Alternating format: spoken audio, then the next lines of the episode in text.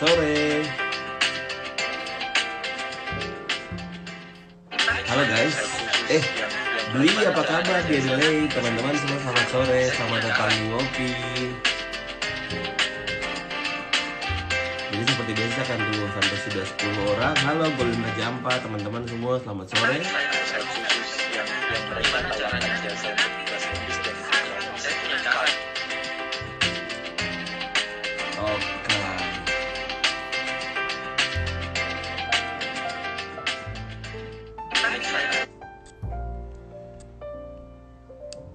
Sip, selamat sore teman-teman semua. Selamat datang di episode ngopi kali ini. Seperti yang saya sudah informasikan teman-teman, jadi untuk episode kali ini tuh karena apa? Dari dua minggu yang lalu kita bahas apa beasiswa dengan Dokter Rian dan ternyata banyak sekali teman-teman yang apa namanya eh, minta untuk eh, apa namanya minta untuk diulang lagi sesi eh, wawancara beasiswa. Jadi hari ini saya akan kem- eh, Dr. Rion bersedia untuk em, apa namanya kembali membahas tentang halo Dr. Rion sudah ada di sini Titus selamat sore selamat sudah lulus. Nah teman-teman jadi seperti biasa minggu ini em, apa namanya kita akan bahas kembali tentang wawancara beasiswa tetapi untuk kali ini kita akan membahas jauh kepada hal-hal yang substantif hal-hal yang eh, teknis juga akan dibahas jadi kalau yang pertemuan eh, kemarin kita sudah membahas banyak tentang beasiswa gimana mempersiapkan aplikasi. Nah untuk episode kali ini kita akan banyak membahas tentang kira-kira em, selain kita punya aplikasi apa lagi yang perlu kita siapkan supaya waktu kita em, di proses wawancara apa sih yang perlu hal-hal apa lagi yang harus kita ketahui dan kita lihat dari sisi yang apa namanya yang jauh lebih lebih luas dan lebih dalam begitu teman-teman ya dan karena kita sudah rame di sini saya akan langsung undang dokter Ian sekali lagi untuk em, apa gabung sama kita. Wait oke sip. Kita tunggu dokter Ian masuk.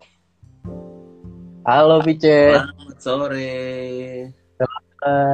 Eh, saya habis Dan- online juga, habis live satu jam yang lalu nih. Yo, Eh, sejak- Sarah lihat, Sarah lihat apa keren barusan live saya tadi ada ada apa sempat lihat juga. Hmm, Gimana kabar di sana?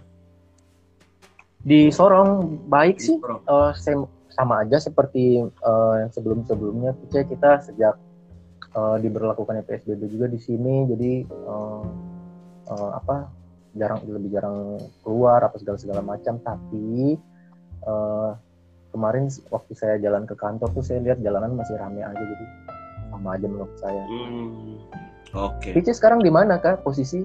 masih di Perth, masih di Perth. Oh Masih tidak di- balik. Saya saya tuh kira Pice balik loh ke ke sini ke Papua. Tidak, saya kemarin balik itu uh, akhir tahun cuma untuk apa internship saja, terus langsung awal Maret sudah balik.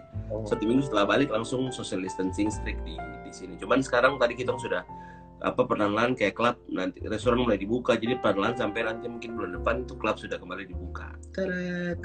Kenapa harus klub coba? Ya begitu. Kopinya bikin background live kayak gitu. Nanti sebentar saya kasih tau Erpin.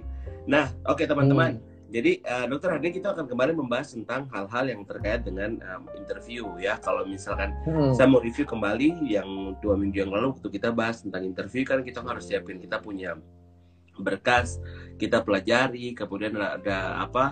Dokter sempat kemarin eh, kasih clue kalau misalnya kita mau bikin masuk di perkenalan itu bikin apa? Bikin pattern, bikin pola sendiri kalau kenalan itu berapa lama begitu ya. Template ya. Ya. Ya, tem- template sendiri untuk apa wawancara, terus bagaimana supaya kita menjadi tenang, terus kemudian bagaimana supaya kita bisa apa namanya menjawab pertanyaan dari pewawancara begitu. Nah, tapi ternyata waktu pas apa teman-teman tuh banyak yang kasih kasih pertanyaan yang memang saya saya juga langsung jawab, tetapi em, apa namanya ternyata masih lebih banyak lagi ke hal-hal yang uh, sudah kita briefing. Nah, teman-teman sebelum Oh. kita Uh, saya mungkin minta tolong teman-teman punya hai dan teman-teman ada dari mana supaya kita sama-sama bisa tahu posisi masing-masing ini ada di mana ya begitu jadi um, thank you so much buat teman-teman yang yang sudah join yang ada yang Thank you. Ya sudah sambil apa namanya menunggu ber- berbuka puasa sebelumnya teman-teman selamat menjalankan ibadah puasa buat teman-teman yang lagi ibadah puasa sebentar lagi. Ya, selamat menjalankan ibadah puasa. akan dibuka. Ini ada Sarah dari Jakarta juga. Yang lain dari mana? Dari Jayapura juga banyak Sorong. Torong. Mm-mm. Oke. Nah, kalau misalkan kita uh, bicara soal wawancara beasiswa nih, mungkin pertama Dokter Dian uh, bisa kasih kasih menurut Dokter Dian lihat gambaran beasiswa uh, wawancara beasiswa itu seperti apa? Apa saja kalau Tom bilang wawancara beasiswa, apa yang pertama kali come up in your mind? Well, um, wawancara beasiswa itu menurut saya harusnya itu uh, sesuatu yang lebih uh, kok ke mana? Sesuatu Cek yang lebih oh, menurut saya wawancara beasiswa itu sesuatu yang lebih seharusnya lebih kita persiapkan karena itu lebih menegangkan dibandingkan wawancara uh, uh, untuk cari kerja. Kenapa? Karena dari segi nominal aja kalau kita keterima beasiswa itu kita bisa dapat sampai oh, ratusan sampai hampir ratusan juta sedangkan untuk pekerjaan itu hanya bisa dibandingkan lah nominalnya. Jadi menurut saya teman-teman harus uh, ekstra mempersiapkan diri ketika um, akan menghadapi wawancara beasiswa. Gitu. Oke. Sip, jadi memang persiapannya apa? Kalau untuk wawancara beasiswa itu memang ekstra. Tadi saya sempat highlight waktu um, Rian bilang bahwa memang kalau sudah sampai di wawancara beasiswa, artinya kita tuh sudah sudah shortlist dari ribuan Hmm. pelamar, kemudian jadi sedikit orang dan kita tuh ada di, di tahapan yang menurut saya ini tahapan yang sangat menentukan apakah kita terima beasiswa atau atau tidak. Begitu rata-rata kan biasanya itu kalau yang pelamar beasiswa itu kan sampai ribuan. Nah nanti kalau Iya. misalkan wawancara itu bahkan tidak sampai seribu. Iya pasti pasti cuma ratusan saja karena orang uh, biasa panelis itu sudah menfilter di awal. Betul. Nah, Jadi dalam pikiran panelis itu eh, teman-teman yang sudah diundang untuk wawancara itu adalah orang-orang yang unggul. Jadi ekspektasi panelis kepada teman-teman itu sudah tinggi dari awal gitu. Mhm. Mereka sudah mereka sudah ber- berekspektasi bahwa kalian itu adalah orang-orang yang eh, unggul, kalian itu orang-orang yang lebih siap dan orang-orang yang lebih menjanjikan dibanding eh, teman-teman yang lain yang sudah gugur di tahap awal. Sehingga teman-teman itu hanya untuk membuktikan bahwa ekspektasi mereka itu betul. Dengan cara apa? Dengan cara ya wawancara dengan baik, menjalani Hmm. wawancara dengan baik. begitu. Nah, Ya. em, kira-kira nih kan kalau ki- kita eh, mereka tuh tadi sudah ekspektasi yang tinggi. Saya tadi saya mau tanya kira-kira bagaimana ekspektasi eh, dari pewawancara. Tapi kan tadi dokter Rian sudah sudah menyebutkan. Nah, kemudian kan biasanya waktu kita punya apa aplikasi itu kan biasa nanti akan di- digali lebih dalam. Kira-kira penting tidak untuk kita melakukan persiapan kayak kira-kira nanti eh, harus ada pertanyaan yang muncul sebelum wawancara atau tidak tidak perlu sebenarnya. Oh, gini. Jadi pengalaman saya, eh, saya sebut pewawancara ya. Saya sebut Mhm. pewawancara sebagai panelis ya. Eh, panelis itu mereka akan kejar kita dengan pertanyaan-pertanyaan yang sama seperti pertanyaan-pertanyaan dalam formulir pendaftaran. Jadi kalau khususnya eh, contohnya AAS, AAS Mhm. itu kan nanti di OASIS itu ada empat pertanyaan di supporting statement seperti eh, kenapa alasanmu apa memilih jurusan itu dan kampus itu. Terus bagaimana jurusan yang kamu pilih ini akan berkontribusi pada karirmu nanti. Terus eh, kejadian apa di masa lalu yang bisa kamu ceritakan yang menggambarkan eh, kemampuan kepemimpinanmu. Dan yang terakhir, bagaimana kontribusimu nanti ke Indonesia setelah kembali dari Aussie. Nah, panelis di pewawancara AAS akan kejar kita dengan empat pertanyaan ini itu pasti Itu pasti ya. Iya. itu pasti sedikit catatan kaki eh, untuk pelamar S2 akan diwawancara oleh 2 sampai tiga orang panelis sedangkan untuk S3 empat orang panelis ya Mhm. nanti kita akan dikejar dari eh, keempat pertanyaan ini tapi betul seperti yang Pice tadi sempat eh, arahkan bahwa kita juga harus siap terhadap pertanyaan-pertanyaan di luar keempat pertanyaan utama ini gitu Betul. contohnya waktu zaman saya eh, ditanya dong apa pekerjaan orang tua saya gitu nah itu kan? Iya jadi ditanya apa sih pekerjaan orang tua orang tuamu? Kayak gitu. Saya tuh udah nggak ada waktu untuk untuk mencari jawaban yang diplomatis. Hmm. jadi saya jawab apa adanya saja. Saya bilang oh orang tua saya pekerja swasta tapi dalam waktu dekat mereka akan pensiun. Kayak gitu Mhm. kayak gitu. Ya eh, jadi betul Picek selain pertanyaan-pertanyaan yang sudah kita antisipasi kita juga harus siap untuk menjawab pertanyaan-pertanyaan yang di luar eh, settingan beasiswa. Kayak gitu. Oke. Sip. Jadi sebelum kita lanjut teman-teman ini saya uh, kalau misalnya teman-teman ada yang punya pertanyaan karena ini kan kita um, apa sesi wawancara beasiswa yang kedua. Jadi kalau misalkan teman-teman punya pertanyaan, teman-teman bisa langsung drop pertanyaannya lewat komen nanti akan saya bacakan kemudian akan kita diskusikan sama-sama ya. Oke, saya langsung dari ini ada pertanyaan dari Jimmy Jimmy Sebayang, bagaimana cara mengatasi gugup Mas? Kadang pada saat interview semua ide di kepala jadi blank karena nervous. Oke, okay, uh, eh, uh, banyak hal supaya kita nggak gugup. Untuk mengatasi gugup itu sudah harus kita laku, mulai dari sebelum masuk ruang wawancara, mm-hmm. ya supaya nggak gugup.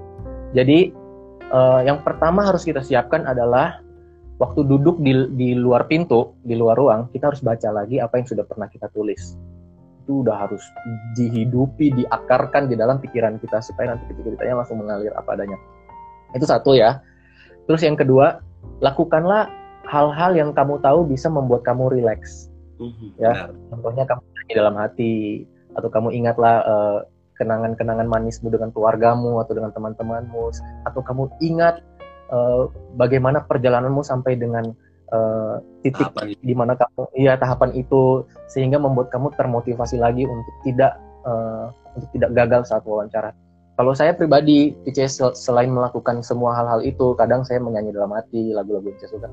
Sebelum pada saat nama saya dipanggil, ya, pada saat nama uh, Rian Putra Kurniawan gitu kan, Aduh. sebelum saya masuk, itu saya berdiri, saya saya benar-benar melakukan yang namanya powerful pose.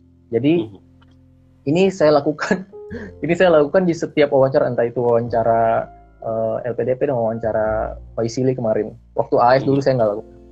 Jadi powerful powerful pose itu power pose itu uh, kamu berdiri terus uh, pastikan badanmu itu ini benar-benar saya ajarin ya praktis ya, praktikalnya ya.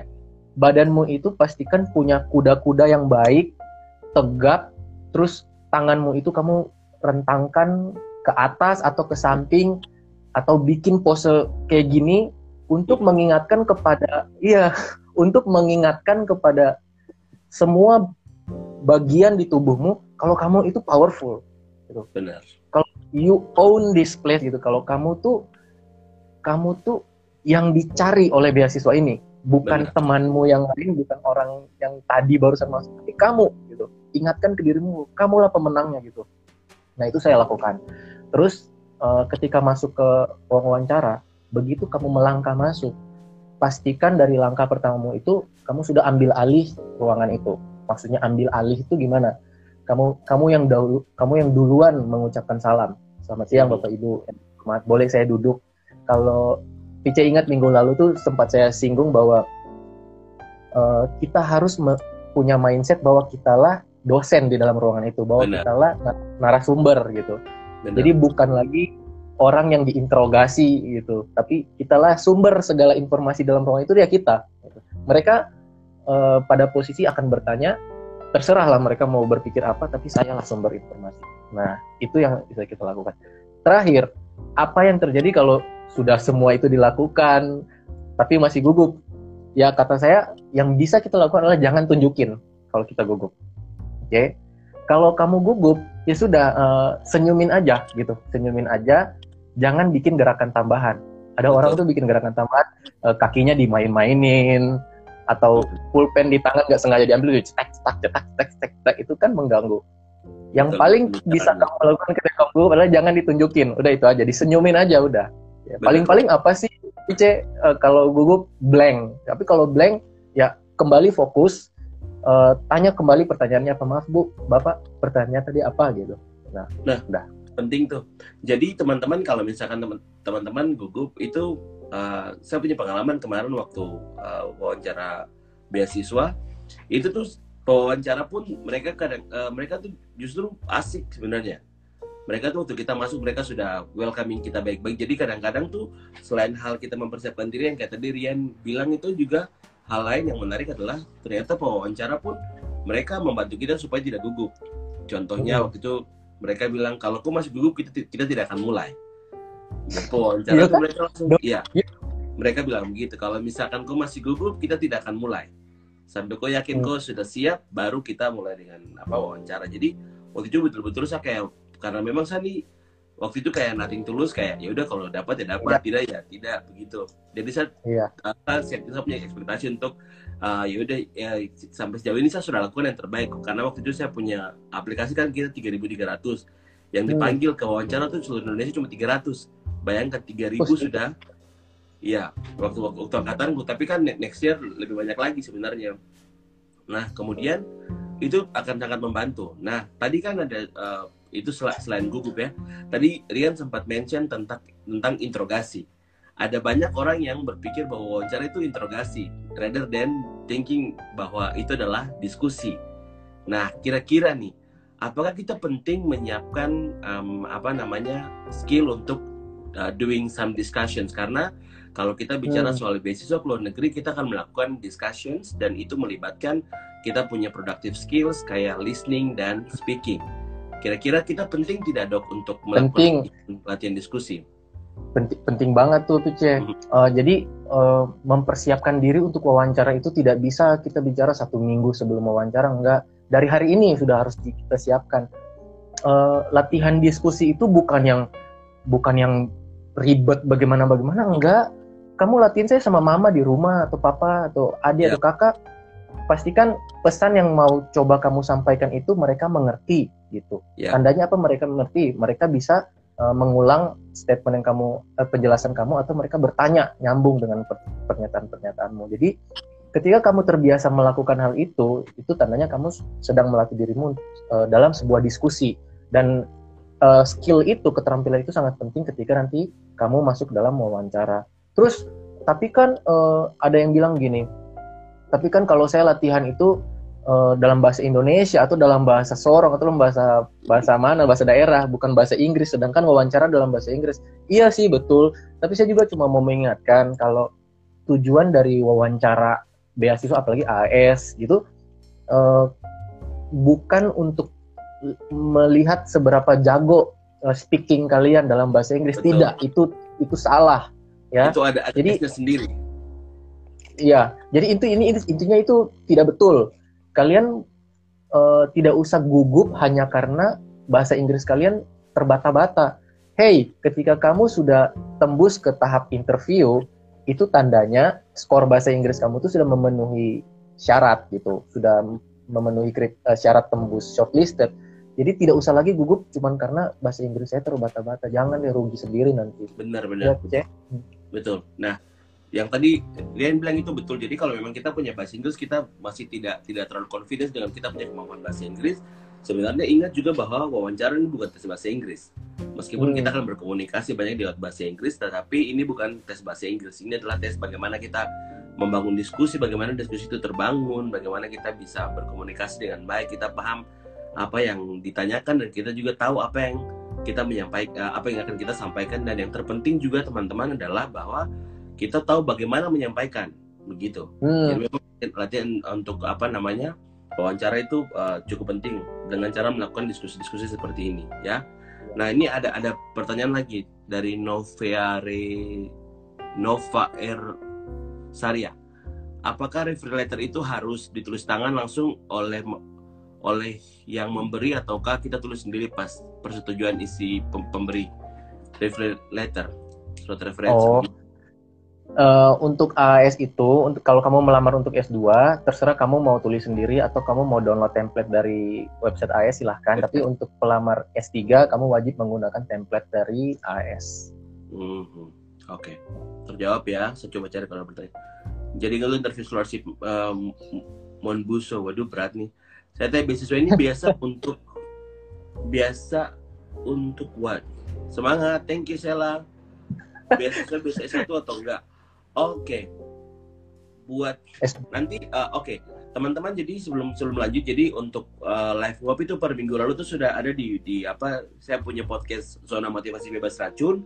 Jadi setiap kali live begini yang saya uh, akan save di live di Instagram 24 jam.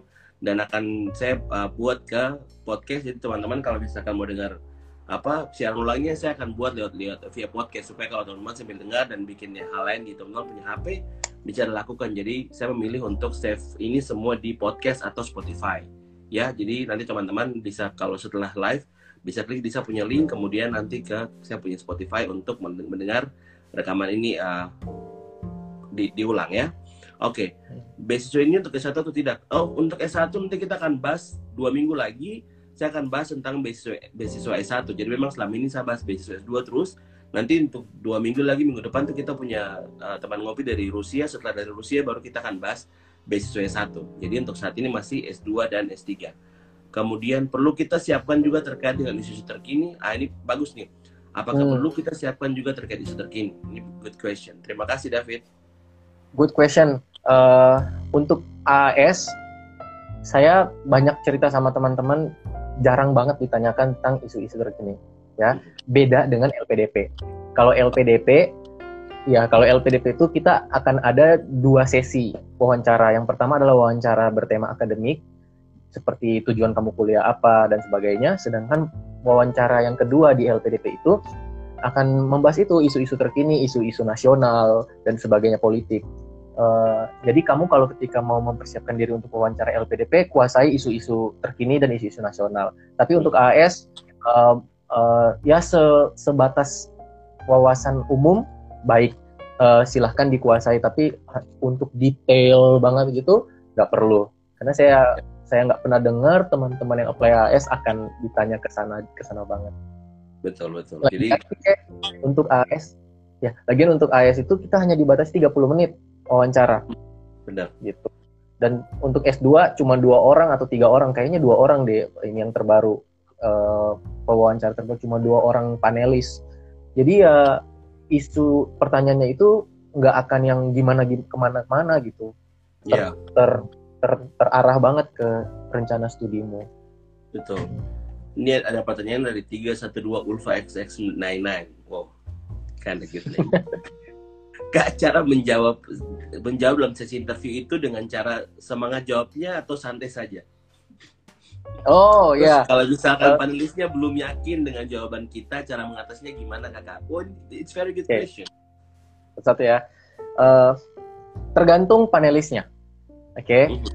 I would I would say if the panelist is relatively encourage atau uh, bersemangat gitu, kamu juga harus mengimbangi semangatnya mereka. Mm. Oke. Okay? Kalau mereka tertawa, kamu tertawa kalau mereka nggak tertawa, kamu jangan tertawa sendiri gitu. Kalau mereka slow pembawaannya, ya kamu juga harus slow. Termasuk intonasi bicaramu. Kalau ya. kamu dengar uh, panelismu uh, intonasinya juga yang pelan, yang halus, tidak tidak menggelegar bicaranya, kamu jangan jadi orang yang menggelegar dalam ruangan. Dan ya. sebaliknya, kalau mereka menggelegar, kamu jadi jangan jadi orang yang diam. Jadi ngikutin uh, pace-nya para interviewmu, interviewermu. Nah, terus yang kedua tadi apa Pica? Pertanyaan kedua? Kalau misalkan penulisnya belum yakin dengan jawaban kita, bagaimana cara mengatasinya? Oke, okay. ketika kita menjawab suatu pertanyaan panelis dan mereka bilang uh, pertama, mereka akan bilang ke kita kalau um, mereka belum yakin dengan cara can you uh, can you answer that again atau bisakah kamu mengulang pertanyaan uh, jawabanmu di situlah waktumu untuk merestruktur jawabanmu merestruktur kalimat jawabanmu menjadi kalimat-kalimat yang lebih mudah dimengerti. Kayak gitu. Hmm. karena alasan utama panelis itu tidak yakin dengan jawaban kita bukan karena uh, faktanya bukan karena faktanya gitu ya. Tetapi karena cara kita menjawab itu uh, terbatas. Contohnya kita mau bilang kalau kita sangat bersemangat bekerja di bidang HIV tapi kita ngomongnya saya semangat banget kerja di HIV. Nah itu dari main muka, main raut wajah itu semua ber, ber, ber, uh, berdampak pada meyakinkan penulis. Tapi kalau kita sudah yakin gitu, saya saya sangat bersemangat uh, kerja di bidang HIV. Saya sudah uh, berkat saya dan teman-teman uh, klinik HIV di Fafak itu dari yang nol jadi 13 dalam dalam tahun 2014 gitu. Tapi mereka nggak yakin gitu uh, itu kita nggak bisa bikin apa-apa gitu. Tapi saya mau kasih ingat kalau tidak ada panelis yang meragukan kita gitu, karena tidak rasanya tuh kurang kurang profesional ya buat panelis meragukan jawaban dari orang yang diinterview. Yeah. Mereka pasti akan yakin, mereka pasti akan percaya aja apa yang kita sebutkan, bahkan ya bahkan ya kalau kita sedikit mau mengarang cerita mereka pasti akan percaya gitu kalau kita mau mempercantik cerita kita ya mereka pasti akan percaya Pice jadi tidak ada istilahnya uh, panelis tidak yakin dengan jawaban kita. Kalau cara kita menjawab sudah positif sudah uh, sejak sudah nyambung dengan raut wajah dan segala macam mereka pasti percaya. Ini nih ini nih penting teman-teman. Jadi kalau misalkan teman-teman ada di di apa namanya um, ruang wawancara itu kadang-kadang yang mengintimidasi kita adalah pikiran kita sendiri. Adusa sudah betul kah tidak kayak Adusa sudah begini kah tidak kayak padahal tuh panelis atau wawancara mereka itu akan sangat membantu kita kalaupun mereka misalkan tidak mengerti apa yang kita sampaikan ataupun kita kesulitan menyampaikan dalam bahasa Inggris kita bisa menyampaikan dalam bahasa Indonesia. Sekali lagi wawancara bukan tes bahasa Inggris begitu. Tapi bagaimana your idea is convey ide idemu tuh ter, tersampaikan kepada panelis dan mereka pasti akan berusaha untuk untuk menggali gitu. Nah kemudian begini ya ini lanjut dari pertanyaan ini. Terus kalau misalkan kita tidak paham pertanyaan bagaimana cara kita minta ke wawancara bisa ulang kah atau begitu seperti apa? Iyo, iyo tanya saja. Kalau saya ya. saran toh, misalnya uh, satu orang bertanya ke kita terus jawab eh, pertanyaan itu panjang sampai tong sendiri pernah mengerti dia tanya apa toh? Ya. Saya sarankan kita untuk bertanya, I'm tr I'm truly sorry, could you please repeat the question for me? Gitu. Jadi ya. kita mintanya baik-baik gitu. Bisa nggak diulang pertanyaannya? Nah, setahu saya kalau kita sudah minta uh, panelis untuk mengulang pertanyaan, mereka itu akan mengulang pertanyaan dengan bahasa yang lebih mudah dimengerti sehingga kita akan sangat terbantu. Betul betul betul. Itu itu itu benar ke, uh, kejadian. Saya juga karena juga pernah mengalami hal itu. Jadi kayak uh, dan saya tuh karena karena apa ikut dalam Facebook apa wawancara waktu itu saja langsung um, saya punya saya tidak tahu cuma um, langsung yang dari Indonesia gini gini uh, what we are going to ask is bla bla bla. Jadi kayak hmm. satu karena jadi kayak tadi Rian bilang kita punya gesture, expression itu kalau misalkan apa yang kita tulis sesuai dengan apa yang kita sampaikan itu akan uh, keluar secara natural. Dan teman-teman punya gesture, punya apa namanya raut muka itu tuh akan uh, apa keluar secara natural begitu. Termasuk yang tadi saya bilang, tetapi ini bukan patokan ya, ini ini bukan patokan, tapi ini hanya se sebagai uh, suggestion buat kita. Oke, okay. nah Kemudian ini dari Mulia Yamada, nampaknya baik beasiswa saat interview ada kesamaannya, kemampuan bahasa Inggris hanya sekian persen saja. Selebihnya si pewawancara menilai seberapa besar dan kuat semangat calon penerima beasiswa. Exactly, itu itu benar. Karena mereka mau, mau membiayai kita sekolah nih. Mereka memang harus cari kandidat yang tepat. Begitu. Nah ini dengan pemaparan Rian, public speaking skill berpengaruh banget saat wawancara ya? Public speaking sp uh, skill, iya sangat berpengaruh. Jadi kan kalau banyak hal yang mau bisa kita bahas tentang public speaking. Tapi yang pertama itu adalah uh, yang saya mau singgung di sini adalah uh, uh, intonasi. Intonasi, intonasi, intonasi yang kita sampaikan saat wawancara itu harus uh, jelas, teman-teman. Kalaupun teman-teman merasa bahasa Inggris teman-teman itu terbatas, tapi pastikan intonasi teman-teman itu tidak uh, nyambung harus nyambung dengan intonasinya para interviewer kayak gitu. Mm-hmm.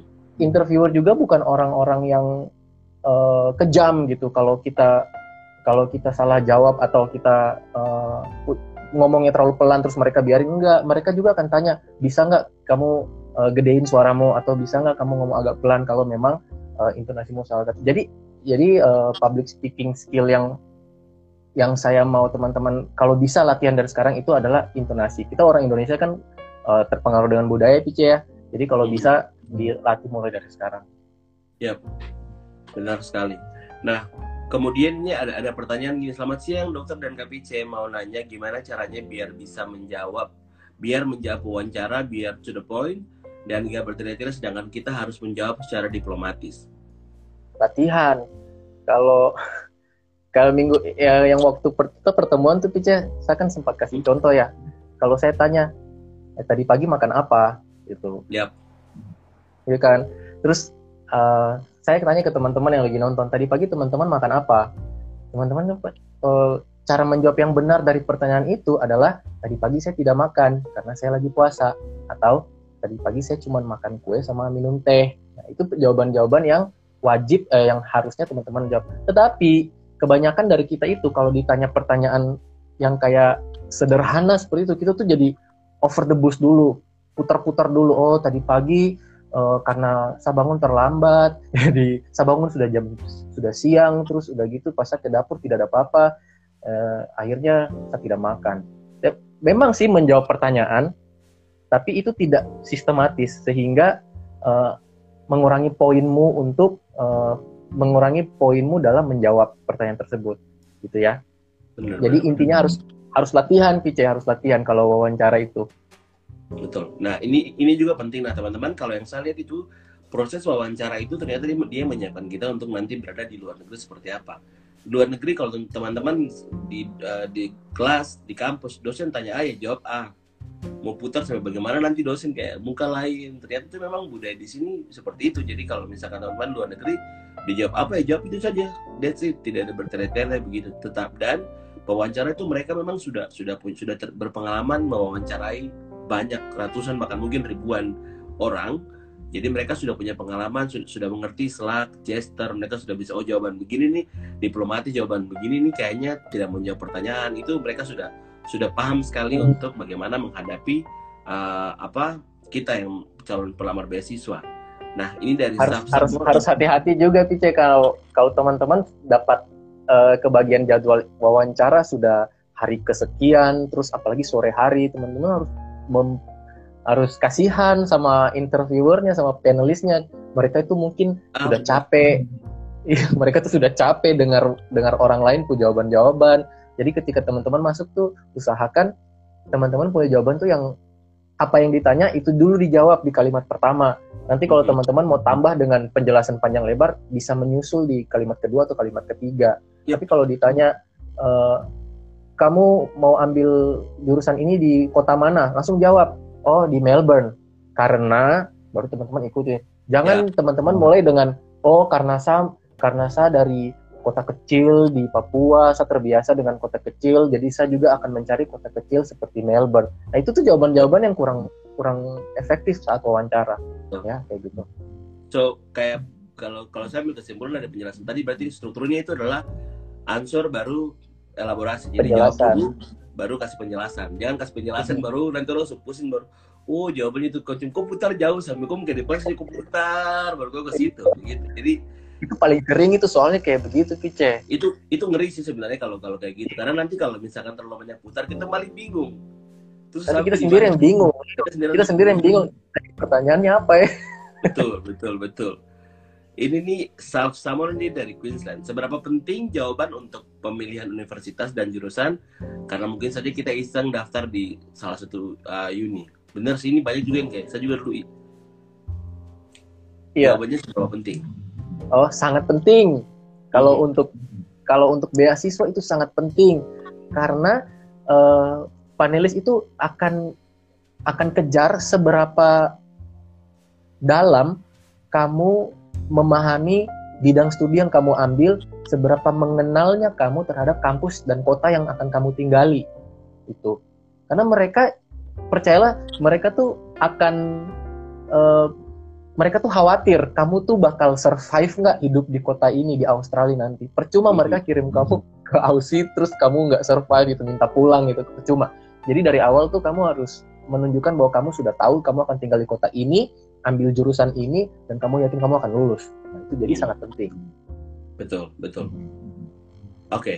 selanjutnya ini pertanyaan dari Jimmy Sabayang. Baca izin nanya lagi, boleh dong. Kadang penulis sebelum berlanjut ke pertanyaan berikutnya, suka menyimpulkan jawaban kita. Bagaimana jika kesimpulan panelis ternyata kurang tepat? Bolehkah menyanggah? Relevan nggak untuk kamu sanggah? Maksudnya penting banget nggak untuk kamu sanggah? Itu the point banget, relevan nggak? That's the point. Iya kalau misalnya hmm. kalau misalnya uh, panelis tuh menyimpulkan sesuatu yang salah terus setelah kamu pikir, uh, iya juga ya, kayaknya uh, tidak perlu saya koreksi ya sudah tidak usah dikoreksi. Tapi kalau sangat penting untuk dikoreksi, koreksi aja. Ya. Gitu. Karena waktu waktumu terbatas gitu. Jadi benar, izinkan benar, mereka bertanya pertanyaan yang lain. Betul. Jadi kalau misalkan saya, saya juga punya punya punya pengalaman begini. Jadi pernah satu kali waktu uh, satu kali saya cuma wawancara bisnis sekali waktu itu. Jadi waktu saya lagi wawancara terus ditanya future goal kalau kamu jurusan ini nyambung tidak? Oh, maksudnya begini saya bilang no. Awas hmm. kayak saya tidak bermaksud begitu. Yang saya maksud adalah begini begini begini. Oh jadi begini maksudnya. Jadi itu justru itu sebenarnya bagus kalau memang kamu eh, apa bukan menyangka tetapi kayak menyampaikan maksud bahwa oh, ini kurang relevan. Itu itu bisa di, dilanjutkan. Justru menurut saya yang begini yang bikin diskusi justru terbangun. Jadi Balik. wawancara itu jadi hidup begitu. Bagus. Thank you Jimmy. Kemudian eh dok- Jendri nanti eh Michael nanti jawabannya sebentar ya. Dokter sebagai dokter apa kak? Dokter apa nih? Ah, saya oh Iya. saya kemarin S2 ambil HIV, IMS dan kesehatan seksual. oke anak-anak kes bro selangkangan bos. Oke. Apa sih? saya suka jadi interviewer. Iya kan? Sorry. Saya suka jadi interviewer AFS setiap tahun. Betul banget. Sepakat dengan apa yang disampaikan. Benar sekali. Nah apakah ada perbedaan antara sarapan pagi dan makan pagi oh kalau itu memang beda karena di in English just breakfast that's it tidak ada sarapan pagi dan makan pagi Kok baca di- pertanyaan mana ini? Kok saya tidak dapat pertanyaan-pertanyaan itu? Oh di bawah-bawah. ada yo ini saya, saya pelan-pelan scroll ke atas Oh, oke iya. Dokter Rian buka Zoom Zoom meeting lagi dong untuk wawancara AS please. Iya, nantilah. Ini sekarang saya masih fokus ini apa bimbing saya punya menti dulu. Ya, Aduh, jadi menti pice. Aduh, kepala sakit deh. Over over nanti sih. Oh, saya bisa over ke kok kan? Oke, nah ini ada Pak Mara. Makasih Hmm. Dan Dokter Rian sama-sama Ri Ri Gently. Oke, sip. Nah, ini ada pertanyaan lagi. Contoh pertanyaan yang sulit dalam wawancara LPDP atau AS. Nah, mungkin kok ini dalam pertanyaan ini mungkin Rian bisa kasih sedikit eh, kayak bu, eh, jelaskan dua-dua kalau di AS itu yang sulit seperti apa, di LPDP yang sulit seperti apa. Tentunya pengalaman orang beda-beda ya. Kalau di kalau pengalaman saya, pertanyaan yang sulit di LPDP eh, di AS dulu. Di AS itu adalah satu yang saya ingat sampai sekarang. eh, kenapa kamu mau eh, kuliah di Australia? Itu pertanyaan yang pertama kali saya dengar dari inter eh, panelis. Saya bingung sekali mau jawabnya bagaimana. Saya tidak mempersiapkan untuk pertanyaan itu. Eh, untuk LPDP, coba saya ingat dulu ya. LPDP kayaknya tidak ada yang sulit deh, Pice. Pak Pak Mara tidak ada yang sulit waktu LPDP. Yang mau coba saya sampaikan adalah eh, saya percaya semua pertanyaan wawancara itu mudah. Kenapa? Karena sebenarnya kita tuh sudah bisa mengantisipasi pertanyaan apa yang akan ditanya. Jadi tidak ada istilahnya pertanyaan yang sulit. Kalaupun ada pertanyaan-pertanyaan yang di luar eh, di luar topik beasiswa dan studi, itu adalah pertanyaan-pertanyaan yang fleksibel bisa teman-teman jawab eh, bebas gitu. Di awal kan kita sudah sempat bahas ya, kayak eh, papamu kerja apa, kayak gitu. Itu kan pertanyaan-pertanyaan yang terserah kamu mau karang kah, atau kamu Mhm. mau bagaimana, yang penting jawab lah. Mhm. Jadi sekali lagi menurut saya tidak ada pertanyaan yang sulit. Oke. Tapi pengalaman itu yang susah.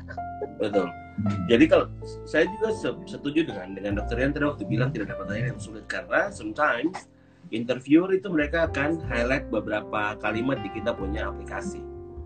Nanti dia bilang begini di in your application kau bilang bahwa bla bla bla bla. Ini maksudnya apa? Gitu. Jadi mau pertanyaan itu tidak akan keluar dari apa yang sudah kita tulis di kita punya aplikasi begitu. Kalau waktu itu di, saya punya pertanyaan yang paling sulit adalah kenapa pilih Australia bukan Indonesia? Nah, itu sama tuh. Oh, iya, sama berarti. Sip. Iya. Ini memang pertanyaan yang mungkin tuh ngerasa kenapa Australia tapi Indonesia tak bisa bilang bahwa waktu ku di dalam situasi 30 menit harus jawab itu itu kadang-kadang um, apa namanya jauh lebih sulit kalau misalkan teman-teman bisa menyiapkannya dari sekarang itu akan jauh lebih baik gitu ya nah ini terus um, sebentar saya baca lagi. Beda tidak lolos menti kejar AS boleh dong over ke Pace Pice ke kakak Pace. Lagi research teman-teman saya akan open segala macam bulan depan. Saya tidak mungkin usah research dulu. Nanti kalau di live berikut tahulah kehidupan studi akhir ya Tuhan. Jangan curhat Rian. Siapa tahu menti lagi nonton ini dari dari Naomi. Oh, Naomi di iya saya, saya lihat ada beberapa menti itu yang nonton udah sempat nanya-nanya juga. betul kak buka pendaftaran menti lagi dong. Nah ini sekarang ini bagaimana rasanya belajar tentang HIV dan kesehatan seksual luar negeri? Apakah Rian telah mempelajari some- something new about them? Dan dokter yang pernah tahu sebelumnya? Thank you. Oh ini balik gue punya disiplin ilmu. Iya banyak banget yang saya pelajari sana. Jadi saya baru tahu kalau uh, untuk untuk sampai sese- seorang dokter mengerti cara untuk melayani pasien HIV itu dokter itu harus mampu juga memiliki skill-skill uh, psikologis, skill-skill konseling supaya uh, membantu pada saat praktis ke pasien. Jadi banyak banget dan uh, rasanya itu at at some point saya merasa kalau saya tuh uh, at some point di awal-awal saya merasa kalau saya tuh uh, uh, punya cukup bekal untuk kuliah di bidang ini. Tapi setelah saya jalanin bulan-bulan berikutnya, saya tuh lihat bahwa ada banyak sekali ilmu yang saya belum pelajari di bidang HIV, sehingga itu yang menjadi motivasi saya untuk selesaikan studi saya waktu itu. Mm -hmm. Oke, okay. itu tentang uh, Rian punya pertanyaan saya juga dapat pertanyaan itu kenapa di Australia bukan di Indonesia. Nah ini juga salah satu um, LPDP nih Naomi. Nah terus ada ada ada satu pertanyaan yang saya ingatin Lian kan ada banyak orang yang pilih jurusannya itu kan linear. Ada yang jurusan S1 lain, S2 atau misalkan dia mau ambil PhD ternyata lain dengan dia punya pikiran uh, previous. Education. Itu kira-kira bagaimana untuk menjawab pertanyaan kira-kira lo kon latar belakangmu ini kenapa kau ambil ini? Itu kira-kira uh, bagaimana menjawab pertanyaan seperti merespon pertanyaan seperti itu. Saran saya bahas mengenai passionmu jadi kalau tentunya teman-teman uh, berpikir untuk banting setir ke uh, ke apa apa sih namanya tuh? Ke bidang yang berbeda bidang yang itu ada berbeda. alasan kan? Ada alasan. Nah kalau memang alasan itu adalah passionnya teman-teman maka baik segera presentasikan alasan itu. Bilang saja uh, memang saya akui latar belakang pendidikan saya sebelumnya di bidang bisnis tetapi saya memiliki passion yang uh, dalam atau yang besar uh, kepada bidang kesehatan. Saya telah membuktikan uh, uh, saya telah membuktikan bahwa saya berpassion di bidang ini dengan uh, dengan cara pekerjaan saya dalam dua tahun belakangan ini adalah di bidang kesehatan sebagainya sebagainya. Jadi uh, kalau kita berbicara khusus untuk pertanyaan-pertanyaan uh, berbeda bidang, kita harus kasih bukti ke panelis. Kalau kita tuh mhm. sungguh-sungguh di bidang itu sudah dibuktikan dengan peker riwayat pekerjaan atau keterlibatan kita di organisasi-organisasi yang nyambung dengan jurusan itu. Mm-hmm. Itu itu baik sekali. Jadi alasannya harus harus kuat buat teman-teman yang mungkin mau kuliah beda-beda jurusan. Remember to provide the strong reason to the interviewers. Eh? dan okay. proof ya dan bukti ya dan proof benar ya. Ya, ini ada pertanyaan dari Alex Suarez. Ada bat ada batasan maksimum mendaftar PDP apalagi sudah interview beberapa kali dan tidak lolos. Is there any limitation? Uh, sepertinya ada, tapi nanti saya harus cek lagi supaya tidak salah kasih jawaban. Alright. Sedangkan Jadi, untuk AS tidak ada. AS tidak ada. Tidak ada. You can try, try and try. Try, try, sampai sampai terima yeah you can get it if you really want hmm. oke okay. jawaban yang waktu ditanya kenapa pilih Australia bukan Indonesia yang lain apa dok ada tidak ada alasan lain saya lupa ya pertanyaan saya tapi waktu itu kurang lebih saya jawabnya karena Australia dan Indonesia is uh, uh, dekat secara geografis dan politik sehingga saya bisa mendapatkan dukungan yang besar dari kedua belah pihak sementara saya studi dan ketika saya kembali ke Indonesia. Sebenarnya jawaban saya itu ngarang banget sih, tapi ya namanya saya nggak siap, jadi jawabnya apa adanya. Kalau saya waktu itu tuh saya jawabanku begini, saya bilang adalah bahwa saya lihat anak-anak yang lalu dari dari Australia justru mereka punya apa namanya kontribusi lebih banyak di masyarakat. Dan apa saya bisa melihat mereka punya kontribusi itu real dan sama-sama bekerja sama jadi saya juga mau belajar seperti mereka.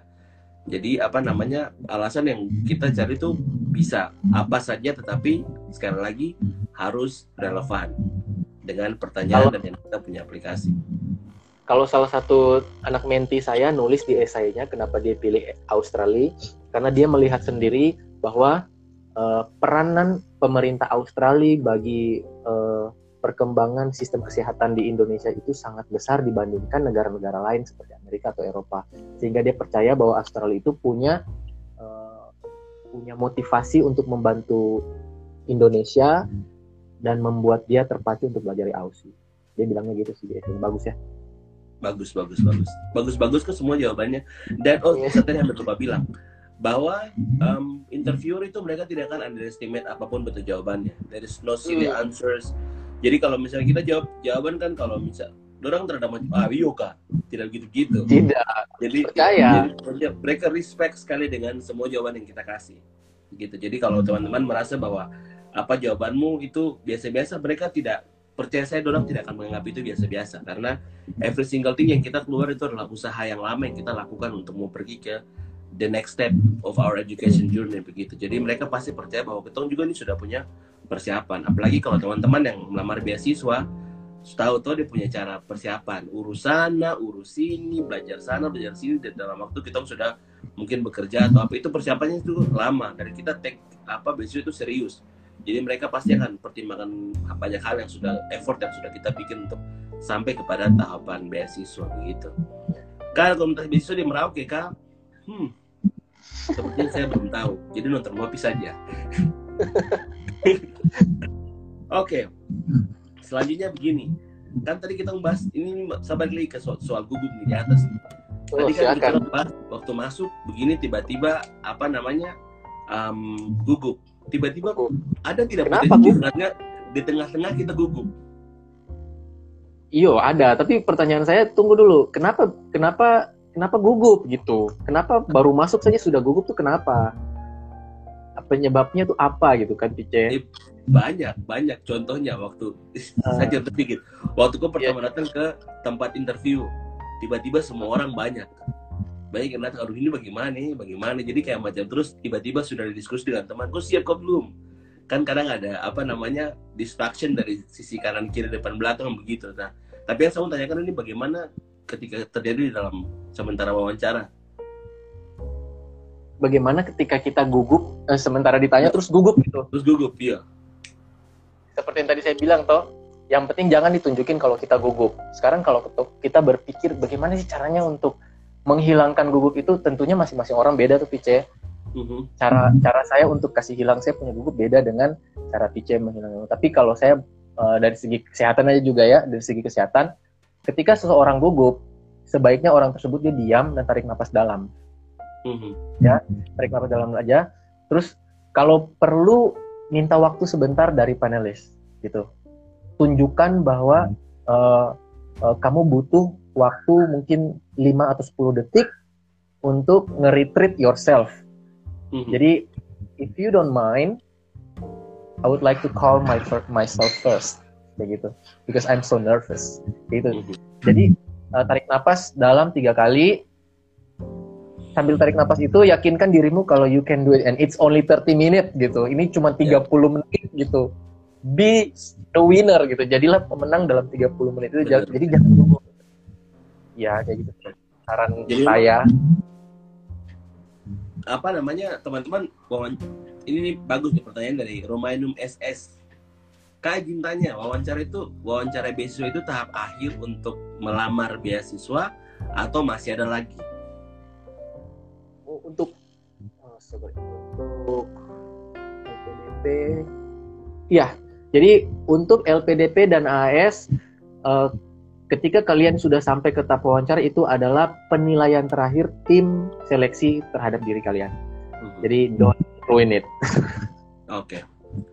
Nah terus kalau misalkan eh, untuk kayak AS itu wawancara itu dia bersamaan dengan apa namanya?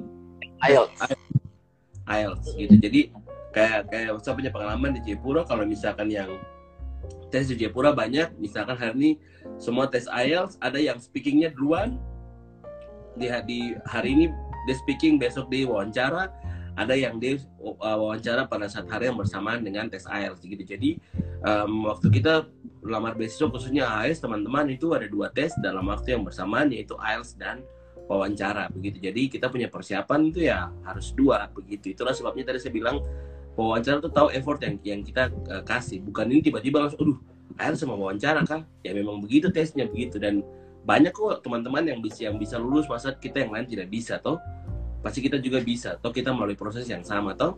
Nah banyak doa benar sekali. Banyakin zikir bagi yang muslim. Tidak biar untuk yang gugup benar. Waktu pas apa namanya wawancara itu saya kaget karena di mana-mana buat kita Kristen ya lagu rohani bunyi selalu ih hari ini baru lagi sih orang putar lagu rohani di mana-mana. Padahal kan biasanya ya diam-diam diri tapi itu adalah cara bagaimana orang apa ya. mengatasi dia punya gugup masing-masing. Jadi masing-masing orang beda caranya.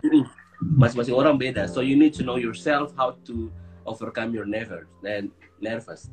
Oke. Okay. saya cuma pesannya ulang-ulang PC mungkin ini ketiga Boleh. kalinya saya di sesi ini. Kalau teman-teman gugup intinya jangan ditunjukin ya. Kayaknya gitu ya. aja sih. Terserah sih mau gugup tapi jangan ditunjukin gitu. Paling-paling apa kalau teman-teman gugup? Ngeblank ngeblank terhadap pertanyaan yang dikasih. Kalau ngeblank ya tinggal tanya ulang pertanyaannya gitu. Sorry can you repeat the question for me please? Kalau gugup ya. Oke tentang gugup dan gimana cara mengatasinya tadi sudah ya uh, tarik nafas is, is all about mindset juga benar. Itu juga tentang cara kita berpikir tentang mindset. Kalau misalkan ada kan hari ini kita sudah ngopi kita bahas tentang wawancara nih. Ini sebenarnya ini sudah banyak informasi informasi clue yang kita kasih buat teman-teman. Harusnya ini bisa membantu ketika teman-teman nanti sudah sampai di tahapan wawancara. Oke. Nah tidak bisa saya bayangkan kalau interview beasiswa gimana gugupnya saya interview visa US saja nggak bisa tenang. Sebulan baru sebelum wawancara. Baru gimana caranya PD public speaking? Nah nanti ikut punya kelas public speaking lagi. Kalau langsung jualan gimana caranya PD public speaking dok? Ah uh, latihan. Benar. Oke. Okay.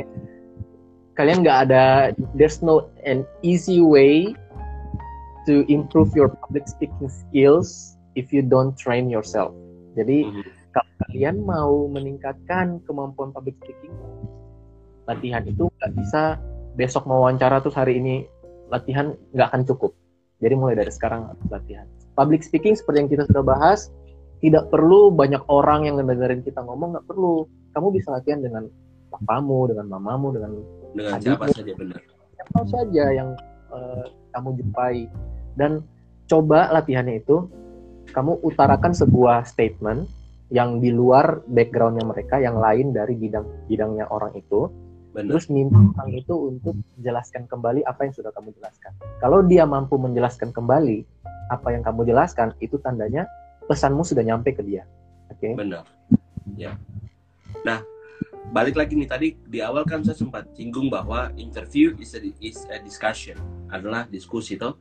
Nah terus kira-kira bagaimana uh, kita latihan uh, listening? Waktu kita diskusi apa kita waktu kita ini posisi latihan ya waktu kita diskusi apakah sebaiknya kita lebih banyak mendengar atau kita lebih banyak berbicara oh harus balance Pice hmm. very good question uh, kita harus seimbang uh, antara mendengar dan ngomong jadi hmm. ketika seseorang sedang berbicara kita tuh harus mendengarkan, bukan hanya sekedar dengar, tapi memahami apa yang dia omongin. Benar. Oke. Okay?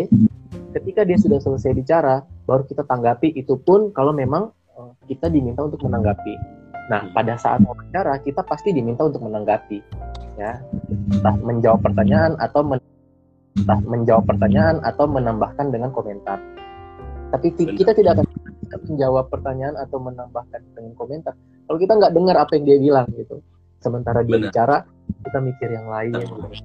dengerin tapi kamu nggak ngerti nah, itu dihindari mhm. begitu jadi benar teman-teman. Kalau misalkan teman-teman mau uh, lihat beasiswa ya teman-teman mungkin sudah kayak untuk karena tujuan beasiswa kan mau pergi sekolah nih.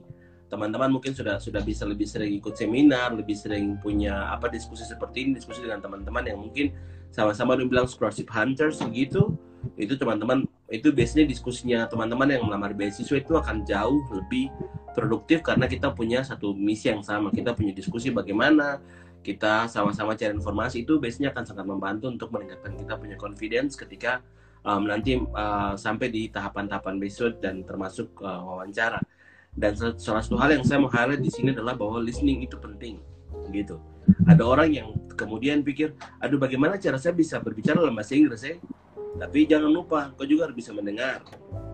Begitu kadang-kadang saking orang fokus di, dengan yang penting dia bicara, dia lupa kalau dia bisa mendengar. Karena kalau misalkan teman-teman berhadapan dengan orang Indonesia yang berbicara dengan bahasa Inggris, mungkin tuh bisa paham karena pace-nya lebih lama. Tetapi once you apa namanya dapat orang native speaker, hmm, latihan itu sangat membantu, ya. Nah, ini kita punya empat menit lagi. Ketika wawancara kita um, ada tiga pertanyaan. Sebentar.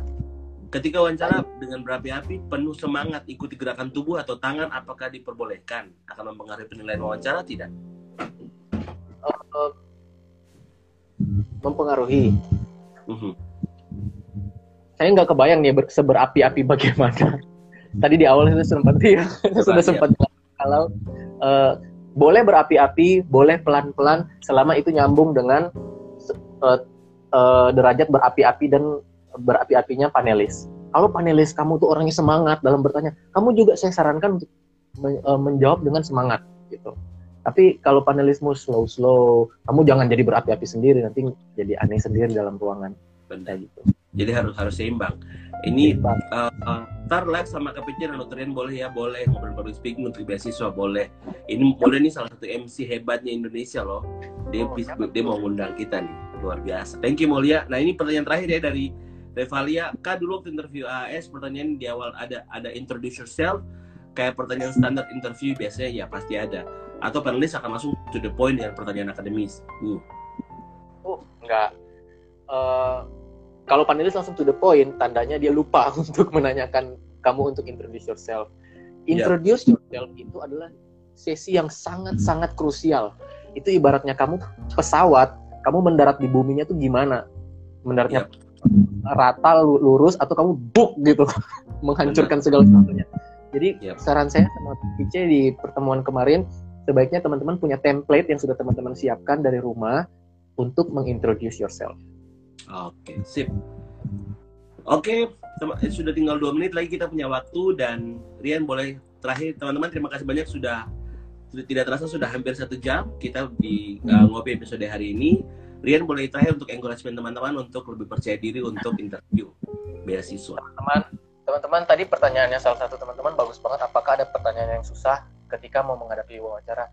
Jawabannya tidak ada pertanyaan yang susah, teman-teman. Gak ada. Percaya sama saya dan Pica, gak ada pertanyaan yang susah.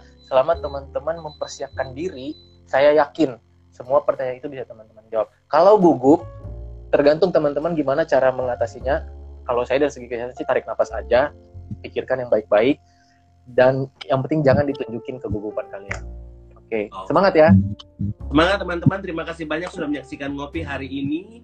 Sekali lagi ngopinya akan di ya, thank you Dokter Ian sudah sudah berkesempatan hadir kedua kali untuk bisa hadir di ngopi. Terima kasih banyak dan juga live ini akan saya simpan di um, di live di Instagram selama 24 jam kemudian akan di-upload lagi ke saya punya podcast di uh, podcast Apple Podcast dan Spotify di zona motivasi bebas racun.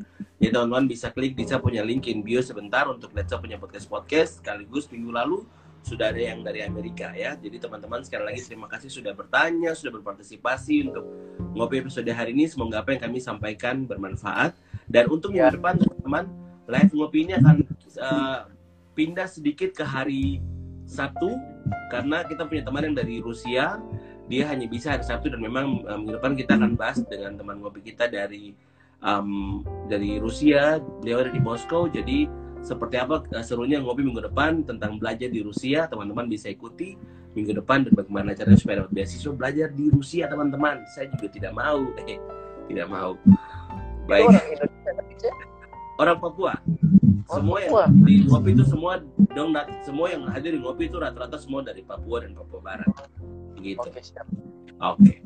Terima kasih banyak teman-teman semua. Dokter Rian sekali lagi terima kasih ya. Sukses selalu buat kita semua. Dadah. Dadah.